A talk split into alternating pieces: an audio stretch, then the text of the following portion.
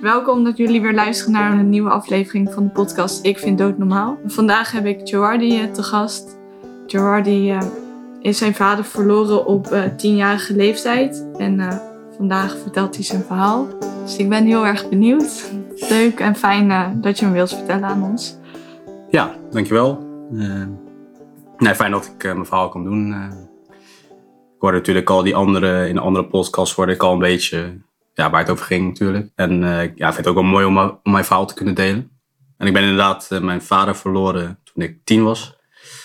Dat was alweer in 2006. En ja, dat heeft best wel een grote impact ja, gemaakt op mijn leven. Maar uiteindelijk denk ik wel ook wel een positieve zin. Dat is uiteindelijk wel een beetje de conclusie die ik, die, die ik eraan kan hangen. Dat het uiteindelijk allemaal wel goed komt. Ehm, ja, nou ja, hij was ziek. Hij had uh, alvleesklierkanker. Dat werd dus geconstateerd eigenlijk al in 2005. En toen heeft hij dus uiteindelijk een jaar tegen gestreden. En na een jaar helaas niet, niet kunnen winnen. Um, en toen is hij in juli 2006 is hij overleden. gewoon thuis. Dus eigenlijk is het wel een soort van mooi verlopen. Want ja, ondanks dat het natuurlijk heel ja, triest is en het ook heel veel pijn doet heeft hij er wel een soort van een mooi eind aan kunnen breien. Want uh, de laatste periode uh, lag hij gewoon thuis. Hij werd dan thuis gewoon verzorgd door verpleegster. En hebben we eigenlijk een soort van wel mooi kunnen toewerken naar het, naar het einde. Dus hij heeft ook zeg maar heel zijn afscheid, de uitvaart, heeft hij gewoon zelf helemaal kunnen regisseren. Ja. ja. En dat, dat vind ik wel iets moois, zeg maar. Dat hij precies zo heeft kunnen doen zoals hij het zelf wilde. Je vertelt nog best wel verhalend en beschrijvend. En je was tien. Ja ja, ik weet niet wat ik herinner van mijn tien jaar leven. Maar ja, het heeft wel zoveel. Ja, hoe moet ik dat even goed eh, stellen? Nee, je, je weet het nog. Is dat altijd zo helder in je hoofd gebleven, zeg maar? De herinnering van je vader? Ja, gewoon. Nou ja, niet alles natuurlijk. Want ik was natuurlijk best wel. Ja, ik was vrij jong. Maar ja, op tienjarige leeftijd, je bent wel een soort van. Ik, ik was me bewust van wat er gebeurde. Aan de andere kant was ik natuurlijk wel zo jong dat ik niet per se uh, helemaal begreep wat er wat allemaal speelde. Natuurlijk, mijn moeder heeft een hele grote rol gespeeld. Die, die deed natuurlijk gewoon al die gesprekken in het ziekenhuis, noem maar op. Dus ik werd daar niet altijd in meegenomen, maar uh, ik besefte wel heel goed wat er gebeurde. Maar het is voornamelijk later gekomen dat ik, als ik ging nadenken van wat er allemaal gebeurde, dan, dan pas ja, begin je te begrijpen van oké, dit is zo en zo gegaan. En ja, dan pas zie je echt de impact van ja, wat, wat, zo'n ziekte, ziektebed, wat dat ehm, ja, met zich meebrengt. Maar nee, ja, zeg maar echt toen hij thuis lag, dat, dat maakte ik allemaal heel bewust mee. Uh, natuurlijk omdat het echt in je eigen, het is in je aura natuurlijk. Uh, je huis is natuurlijk een soort van veilige plek. En als er dan zeg maar zoiets ingrijpends gebeurt en uh, je vader ligt daar zo, dan, ja, dan maak je allemaal wel heel erg bewust mee. En uiteindelijk heeft hij dus euthanasie laten plegen. Dus dat was ook wel, ja, vond ik wel mooi dat hij gewoon zelf heeft kunnen aangeven van oké, nu is het gewoon klaar. En want hij had gewoon heel veel pijn. Dus dan, ja, dan op een gegeven moment is het gewoon klaar. En toen heeft hij dus 14 juli 2006, uh, was de laatste dag.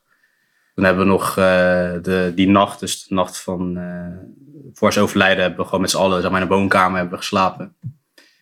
En dat was natuurlijk wel pittig. Uh, dat, dat kan ik me nog heel goed herinneren. Dat we daar uh, met z'n allen lagen. Mijn zus, mijn moeder en ik. En toen de dag daarna, toen uh, kwam de huisarts langs. En toen werd de euthanasie gepleegd. Hij had natuurlijk die dagen daarvoor had hij helemaal afscheid genomen van heel veel mensen. Die zijn nog langsgekomen. Dus dat was ook heel mooi. Dat ja, iedereen toch wel gewoon het laatste, laatste heeft kunnen zeggen wat ze wilden. En ja, op de dag zelf, ja, dat is dan wel redelijke waas op de een of andere manier. Maar tegelijkertijd weet ik ook nog heel goed een moment dat we met z'n allen aan het bed zaten en iedereen was natuurlijk aan het huilen. Dus dat was best wel heftig en intens. Maar normaal bij euthanasie dan krijg je natuurlijk uh, twee dingen toegediend. De eerste is een slaapmiddel en de tweede is dan uh, dat het hart zeg maar stopt. En ja, het bizarre was dus dat, dat bij die eerste prik was het eigenlijk al klaar. Dus hij kreeg zijn slaapmiddel toegediend en uh, toen kwam die arts er dus achter dat, dat hij al overleden was. Dus dat geeft, ja, geeft eigenlijk gewoon aan hoeveel pijn hij had waarschijnlijk. Dat het gewoon echt, toen hij slaapmiddel kreeg, was het gewoon klaar. En ja, toen was het lichaam gewoon op. Dus uh, het was vrij apart allemaal om mee te maken. Maar ja, wat ik zei aan de andere kant ook wel mooi. op de een of andere manier. Dat je toch ja, het gevoel hebt van dat, dat hij het op zijn manier heeft gedaan. En ja, dat, het, dat hij uiteindelijk gewoon zijn rust heeft, heeft gekregen waar hij zo naar verlangde. Ja, dat, dat was wel mooi aan. Ja, die, die week daarna, lag dus gewoon thuis, opgebaard ook. Dus dat is ook wel iets. Ehm, niet iedereen wil dat volgens mij. Tenminste, dat, ik heb het wel vaak over gehad met mensen. En niet iedereen wil natuurlijk iemand zien op het moment dat diegene overleden is. Dat je echt alleen maar de mooie herinneringen van zo iemand uh, bijhoudt. Maar ik vond het eigenlijk ook, ook wel iets moois dat ik gewoon nog soort van nog die week had om, om, om hem bij me te hebben. Dus ik heb ook nog wel vaak daar, uh, ik heb nog wel vaak daar naast bed gezeten. En, nou, om dat toch, toch bij te zijn, dat is ook wel heel fijn geweest. En de dagen erna? Of, dat, want je bent wel gewoon kind. Ja. Hoe ben je kind in zo'n situatie? Als je dat nog weet. Of ja, ik weet niet of het een lastige vraag is. Nou ja, sowieso was het natuurlijk ja, gewoon tijdens zijn ziektebed, dus gewoon dat jaar daarvoor. Daar ben je natuurlijk heel veel mee bezig. En dat is wel ja, dat is vrij intens. Ja, dat, dat jaar zelf was, ja, was gewoon heel. Ik weet niet zo goed hoe ik moet beschrijven, maar bijvoorbeeld ook tijdens de feestdagen in december of zo toen lag hij dus in het ziekenhuis. En dan, dat werkt ook nog heel goed. Dat we dan naar het ziekenhuis gingen. En dat we dan daar zo cadeautjes gingen uitpakken. Gewoon in, dat, ja, in het ziekenhuis, in die kamer. Ja, destijds dan denk je daar niet zo over na. Want dat is gewoon de realiteit. En dan doe je dat gewoon. En dan probeer je gewoon het beste van te maken. Maar als ik er achteraf over nadenk, dan denk ik ook van ja, dat is niet iets wat, wat zou moeten. Weet je, dat, dat je met, ze, met gezin dan in het ziekenhuis, uh, ja, zeg maar feestelijkheden uh, daar viert. Dat, hoort niet zo te zijn natuurlijk. Dus dat is vrij apart.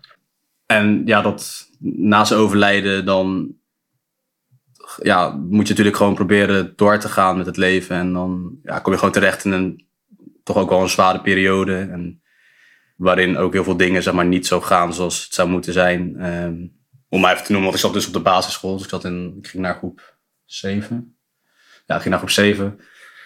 En dan ben je ook gewoon nog bezig, eigenlijk, zou eigenlijk bezig moeten zijn met, uh, weet je, hoe noem je dat, uh, van die partijtjes uh, als mensen jarig zijn. En ja, dat, dat vierde ik dan ook niet of zo. Dat, dat, zat er op dat moment gewoon niet in, omdat je dan toch met hele andere dingen bezig bent of zo.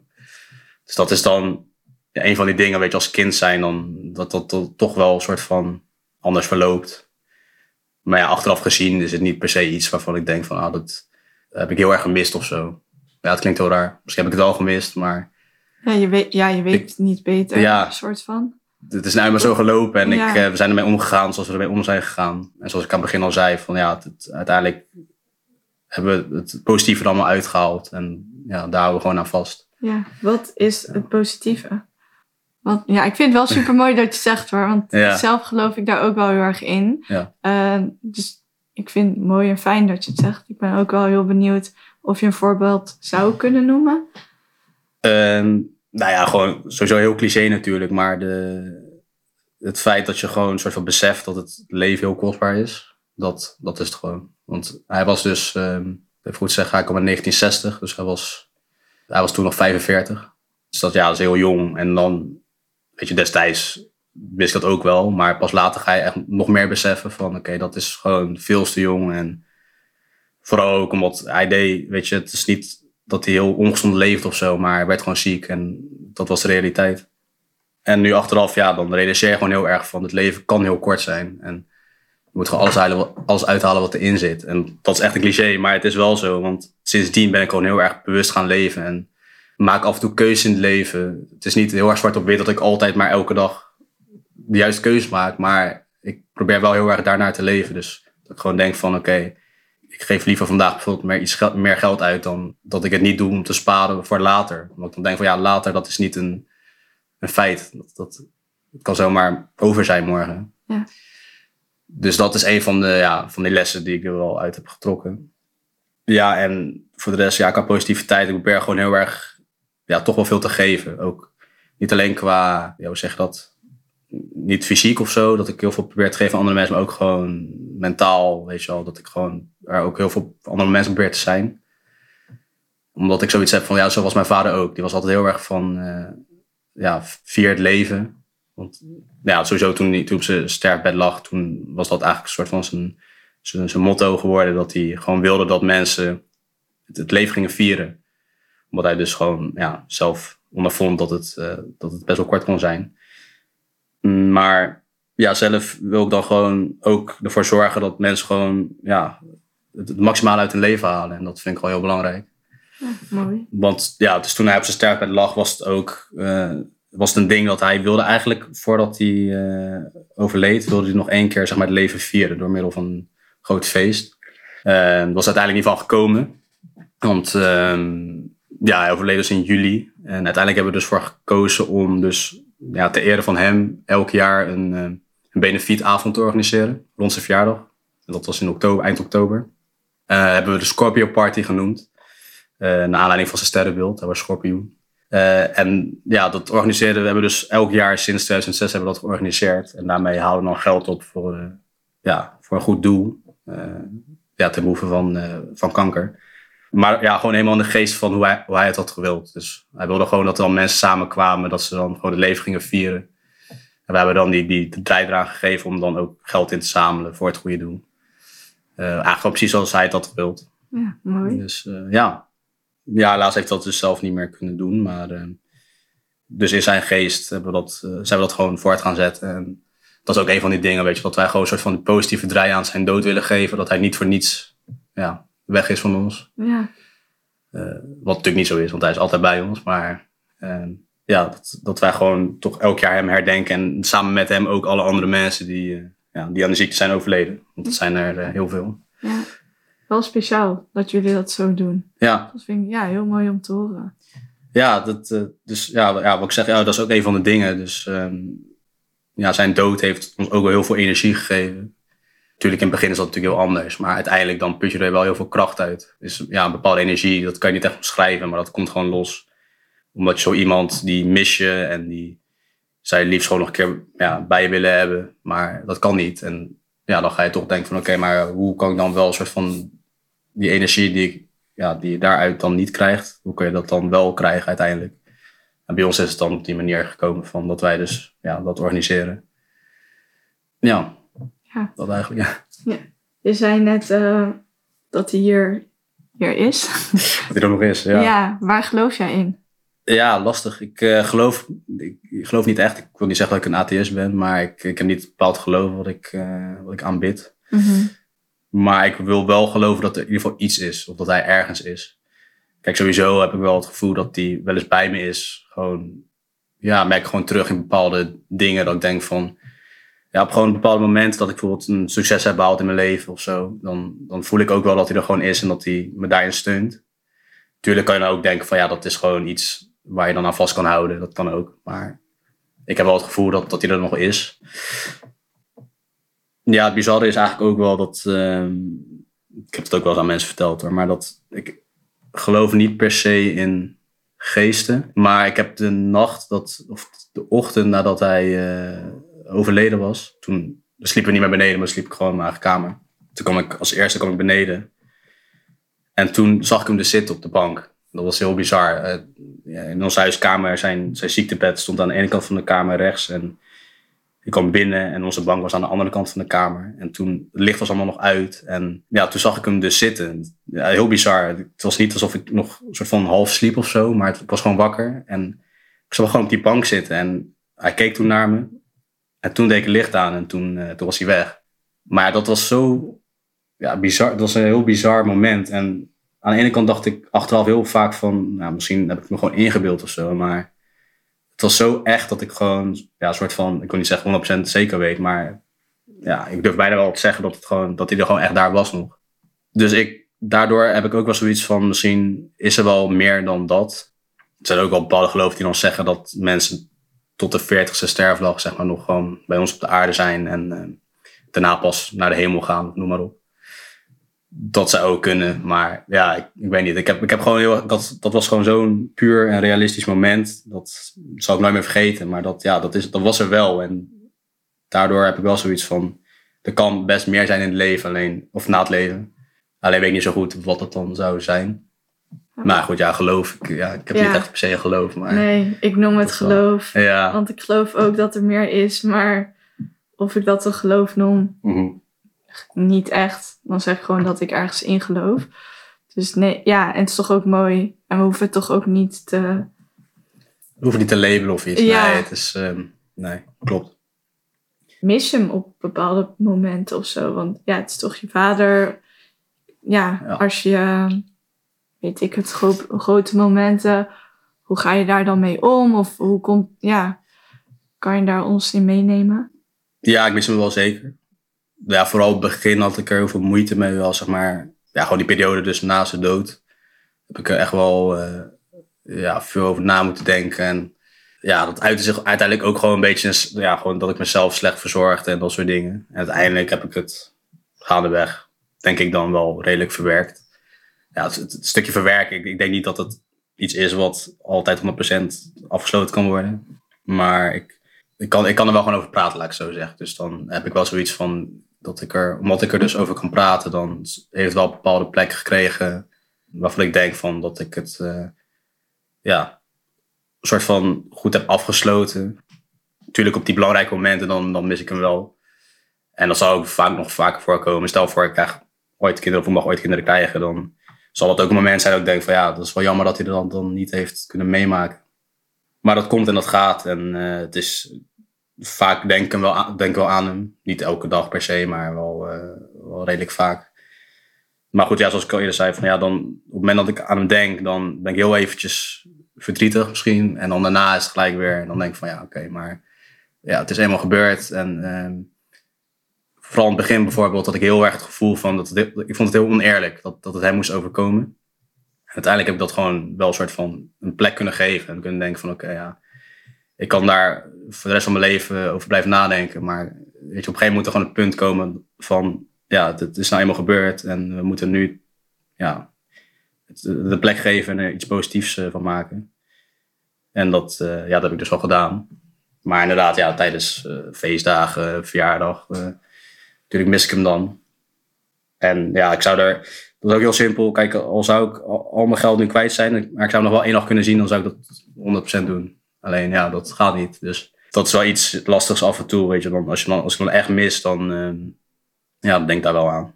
Maar goed, ja, het is, eh, het is nou eenmaal niet zo. eh, ja, dat is wel lastig af en toe. Ja, Ja. nee, dat begrijp ik wel. ja. Zo, hij is gewoon bij ons. In alles wat ik doe. Natuurlijk mis ik hem heel vaak, maar ik zie ook bijvoorbeeld heel veel dingen terug in hoe ik ben geworden, of hoe ik ben. In, van, ja, van hoe hij was. Dat hoor ik ook heel vaak van andere mensen, van dat ik heel erg op hem lijk, ook qua uiterlijk.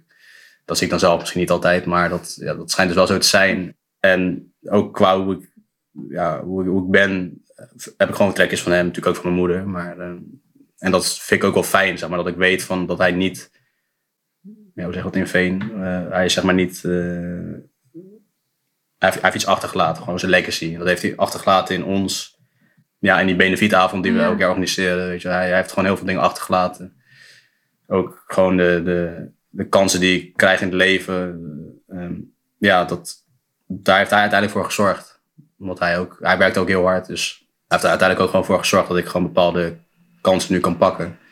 En dat probeer ik wel altijd in mijn achterhoofd te houden. Dat ik zoiets heb van ja, dit, dit is allemaal dankzij hem. En eh, dat weegt dan wel heel erg op tegen het, het, het, het zware, zeg maar. Dus aan het missen van hem. Vind ik het aan de andere kant heel mooi dat hij dit, dit heeft achtergelaten voor ons. En daar krijg ik dan weer heel, heel veel energie van, uiteindelijk. Mooi. Ja, dus eh, ik probeer er wel een soort van een, eh, een mooie twist aan te geven.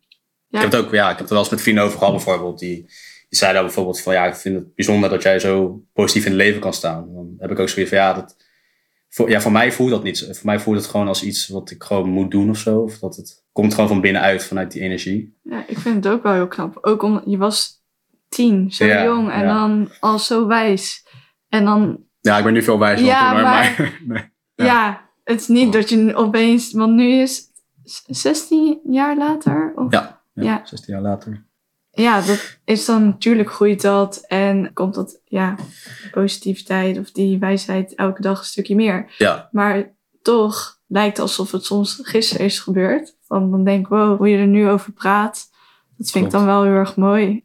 Ja, nee, dat is, inderdaad, het is eigenlijk pas later gekomen natuurlijk. Dus ja, toen ik tien was, eh, zoals ik al zei, weet je, toen had ik er nog wel redelijk veel moeite mee. Eh, op het moment zelf, ja, dan ben je dus wel zo jong dat je dan ook nog niet helemaal begrijpt hoe het hele rouwproces werkt. En toen ben ik ook wel eens naar, een, ja, naar iemand toegegaan die dan een soort van jou gaat helpen om het te verwerken, tussen aanhalingstekens. Ja.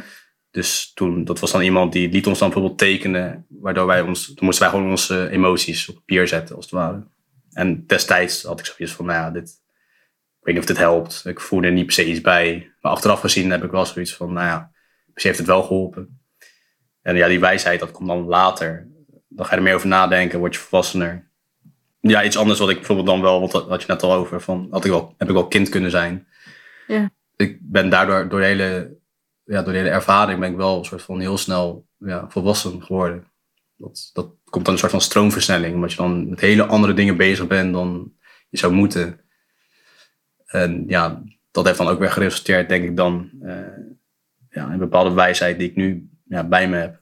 Dus dat, uh, dat is ook iets, uh, ja, iets moois wat eruit voortschrift. Ja, ik vind het wel gewoon een mooi verhaal. Ja, wat ik net al eerder zei, van je was wel gewoon jong en natuurlijk groeit dat. Maar ja, dat betekent dus wel dat je ook nog op latere leeftijd er wel ook echt stil bij hebt gestaan. Van, oh ja, mijn vader is toen overleden en wat voor impact heeft dat? En ondanks dat jullie wel dat event dan altijd organiseren, maar dat je dat nog ja, wel gewoon meeneemt. Ja, ik ben ook heel positief ingesteld hoor. Dus ik vind, vind dat altijd alleen maar fijn. En dan denk ik, ja, je, je leeft ook maar één keer, je moet er alles uithalen. Dus alleen maar mooi dat je dat ook gewoon heel erg doet ik denk dat je daar best ook ja, trots op jezelf ook kan zijn. Ja, zeker. Ja, nee, het, ja wat je zegt inderdaad. Het is, ja, dat, is dat event dat organiseren we elk jaar. Dus eigenlijk hebben we altijd, ja, dus minimaal één keer in het jaar echt zo'n moment dat we er echt bij stilstaan. Met z'n allen. Gewoon met familieleden, met andere mensen.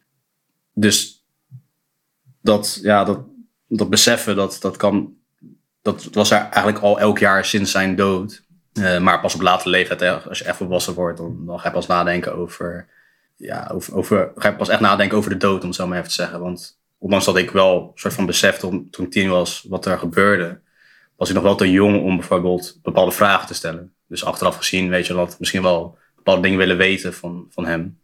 Heb ik niet nooit kunnen vragen. Heb ik nooit uh, over nagedacht toen ik zo jong was. Van oké, dit, dit zou ik nog wel willen weten. Ja. Ja. En dan moet dan nu van, van mijn moeder moet het dan horen of gewoon van andere mensen die hem hebben gekend. En gaandeweg ga je dan dus ook steeds meer jezelf dan ontwikkelen op die manier van oké, eh, hij was zo op deze manier of hij, hij was toen hij jong was, uh, heeft hij dit en dat gedaan. En dan ga je daarna pas de link leggen van oh ja, dus nou, dan klopt het wel waarom ik zo ben zoals ik ben. Dat, zijn gewoon trekjes die hij ook had toen hij die leeftijd had. Ja. Dus op die manier dan, dan ga je er ja, toch ook, daar maak je ook die ontwikkeling in. En ga je een beetje leren van ja, waar je vandaan komt en uh, ja, wat hij heeft achtergelaten. Als je, nou ja, bent positief ingesteld daardoor. Als je dat mee zou kunnen geven, zou je iets mee kunnen geven? Hoe we de dag net iets positiever kunnen zijn. Of ook iets een keer goeds kunnen doen. Of gewoon iets. Iets. Uh... hoe jij dat doet. Of hoe je, ja. In principe is het gewoon zo, ik heb zoiets van, het leven kan zomaar over zijn. En eigenlijk elke kans die je krijgt, moet je gewoon met, ja, met beide handen aangrijpen of zo. Um, ja, het is, zeg maar, ik ben sinds, de, sinds dat ik afgestudeerd ben, ben ik nu dus voor mezelf begonnen. En dat is ook iets wat, wat is voortgekomen uit, ja, toch wel uit, uit verlies. Omdat ik dus gewoon zoiets heb van, ja, het leven is ook gewoon, het kan heel kort zijn. Het leven is in principe gewoon kort. Want die jaar is ook best wel snel voorbij gevlogen uiteindelijk. Maar, omdat ja, we hebben het nu dus over 16 jaar geleden. Maar zoals je zei, van ja, ik voel, ik kan nog wel gewoon soort van terughalen van, als, als, als de dag van gisteren. Dus ja, het is ook gewoon heel snel gegaan. En daardoor heb ik nu gewoon besef van, oké, ik kan wel wachten tot ik bijvoorbeeld iets, tot er iets op mijn pad komt of zo. Maar ik kan natuurlijk ook gewoon zelf ervoor zorgen dat ik gewoon die, die kansen pak die, die ze toch wel voordoen. Ja, dat, dat is denk ik toch ook wel een les die ik eruit heb uh, getrokken. Dat het, omdat het leven zo kort is, moet ik gewoon datgene doen waar ik gewoon zelf echt heel gelukkig van word. Dus ik heb, ja, ik heb dan niet het uh, gevoel van oké, ik, ik wil. Ja, ben ik zelf dan heel erg van, maar dat ik niet. Ik ben niet van 9 tot 5 op kantoor zitten, vijf dagen lang daar ben ik gewoon totaal niet van. Dus ik heb, ja, ik heb er gewoon voor gekozen om echt gewoon voor mezelf te kijken van oké, dit vind ik mooi om te doen. En ik ben er gewoon voor gegaan. dat zou ik altijd wel aanraden aan mensen. Weet je, als je echt gewoon echt niet gelukkig bent met datgene wat je doet, dan doe het dan gewoon niet. Dat, weet je, Ja. dan maar bijvoorbeeld eh, wat meer, wat meer op, eh, op brood en water leven, om zo maar even te zeggen. Ja. Maar dan doe je wel gewoon echt iets ja, wat, je, wat je gelukkig maakt. Want als het dan morgen over is, dan heb je in ieder geval eh, gisteren gehad. Ja, zeker. Dus dat, eh, Dat is een mooie. Ja. het over praten, ik merk wel heel erg dat zeg maar, op het moment dat ik het over heb, dan is het toch elke keer weer dat ik denk van oké, dit het geeft een soort van opluchting of zo. Want natuurlijk altijd een periode dat je, dan, dan denk je er even aan en dan een andere periode denk je er wat minder aan. Maar op het moment dat ik er dus over praat met mensen, dan is het toch wel heel erg fijn of zo. Eh, ondanks dat, ja, voor buitenstaanders is het natuurlijk altijd heel lastig om dan in te schatten van ja, kan ik er iets over vragen, ja of nee, weet je wel. Ik weet. Voor iedereen is het natuurlijk anders. Hè? Dus het is niet per se dat ik zeg van ja, iedereen moet er maar over vragen of zo. Maar wat ik zelf heel erg merk is dat ik het fijn vind op het moment dat iemand bijvoorbeeld over vraagt, dat ik het dan soort van uit kan leggen. En dan begrijpen mensen ook een beetje beter ja, waar ik vandaan kom of in welke situatie ik zit. En dat geeft ook een bepaalde rust. Dus dat is altijd heel erg fijn. Dat vind ik, vind ik zelf heel erg fijn dat ik eh, ja, er ook gewoon veel over kan praten met, met mensen die daar gewoon naar vragen. Of gewoon met, met naasten. Die, die geven dan toch een bepaald interesse. En als ik er dan over kan praten, dan uiteindelijk dan voel ik me ook wel beter of zo. En dan kan ik het steeds meer een plek geven. Want ja, als, als er dan toch, als, het, als er niet naar wordt gevraagd, dus bijvoorbeeld mensen komen erachter dat ik mijn vader ben verloren. Dan zeggen ze, oh wat erg of zo. En dan is dat ook goed. Maar als mensen erover over doorvragen, dan vind ik dat ook echt geen probleem. En dan vertel ik ook gewoon over. En dan merk ik altijd eigenlijk wel dat die mensen dan een soort van meer begrip ervoor tonen. Of ja, die vinden dat dan uiteindelijk toch ook wel fijn dat ze dan gewoon weten van oké, dit. omdat ik het dan over heb, dan voelt het gewoon wat meer vertrouwd of zo. Ja. En dat vind ik wel heel erg fijn. Eh, dus ik vind, ja, de dood, het is iets, mensen praten er niet graag over, omdat het toch iets engs is. En ik, natuurlijk vind ik het nog steeds niet, eh, ja, niet fijn of zo, maar het is wel, ik kan er wel een soort van redelijk makkelijk over praten. En ik vind ook van, ik vind eigenlijk ook wel dat het iets is wat, waar, waar je wat vaak over mag praten, omdat het toch iets is, het, het komt. En je, het kan niet ontsnappen. Nee, we gaan allemaal. Ja, Ja. We we zijn allemaal geboren. dat is allemaal geboren. We gaan allemaal Ja. dood. Ja. Heb je nu niet dat, eh, in ieder geval, eh, dat gaf mij dat ik denk, ah, mij maakt niet, nu niet meer uit. Want als ik ga, dan ben ik toch niet de enige en ben ik niet alleen. Omdat ik dan weet dat Nick daar is, waar daar dan is. Heb, Oh zo. Ja. ja. zo Mhm. ben, ja, ik was niet ervoor per se bang voor de dood.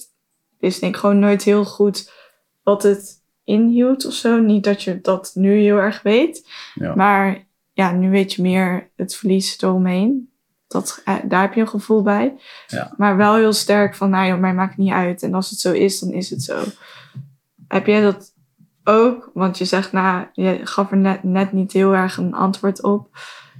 Ja, dus inderdaad geloof. Eh, ik, heb niet per se, ik geloof niet per se dat er misschien een hemel is. Ehm, mijn vader heeft trouwens wel een, eh, mij een ketting gegeven toen hij op zijn sterfbed lag. Te laten maken met een, ja, was ingegraveerd, een tekst. eh, maar dat hij altijd voor me houdt. En op de voorkant was er een teken. Ja, het is een soort van eh, een halve cirkel aan de bovenkant, een halve cirkel aan de onderkant en dan een, een lijn door het midden. En dat, ja, hij, hij legt het dus uit als zijnde dat de, de bovenste half, ja, bovenste halve cirkel was dan, is dan de hemel. En de onderste halve cirkel is de aarde. En die lijn zorgt ervoor dat we altijd verbonden zijn met elkaar. Dus dat was dan zijn eh, gedachte erachter. Ja. En ja, ik geloof dus niet per se misschien dat er een hemel is. Maar wat jij zegt, ja, ik, ik geloof wel dat op het moment dat ik bijvoorbeeld eh zou komen te overlijden, dan ben ik gewoon bij hem. En dat is inderdaad wel iets.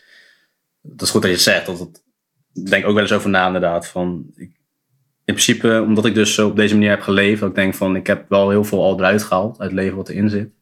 Heb ik ook zoiets van, stel voor, ik kom morgen te overlijden, dan is het ook gewoon goed. Want A, ik heb gewoon de dingen gedaan waar ik echt gewoon achter stond.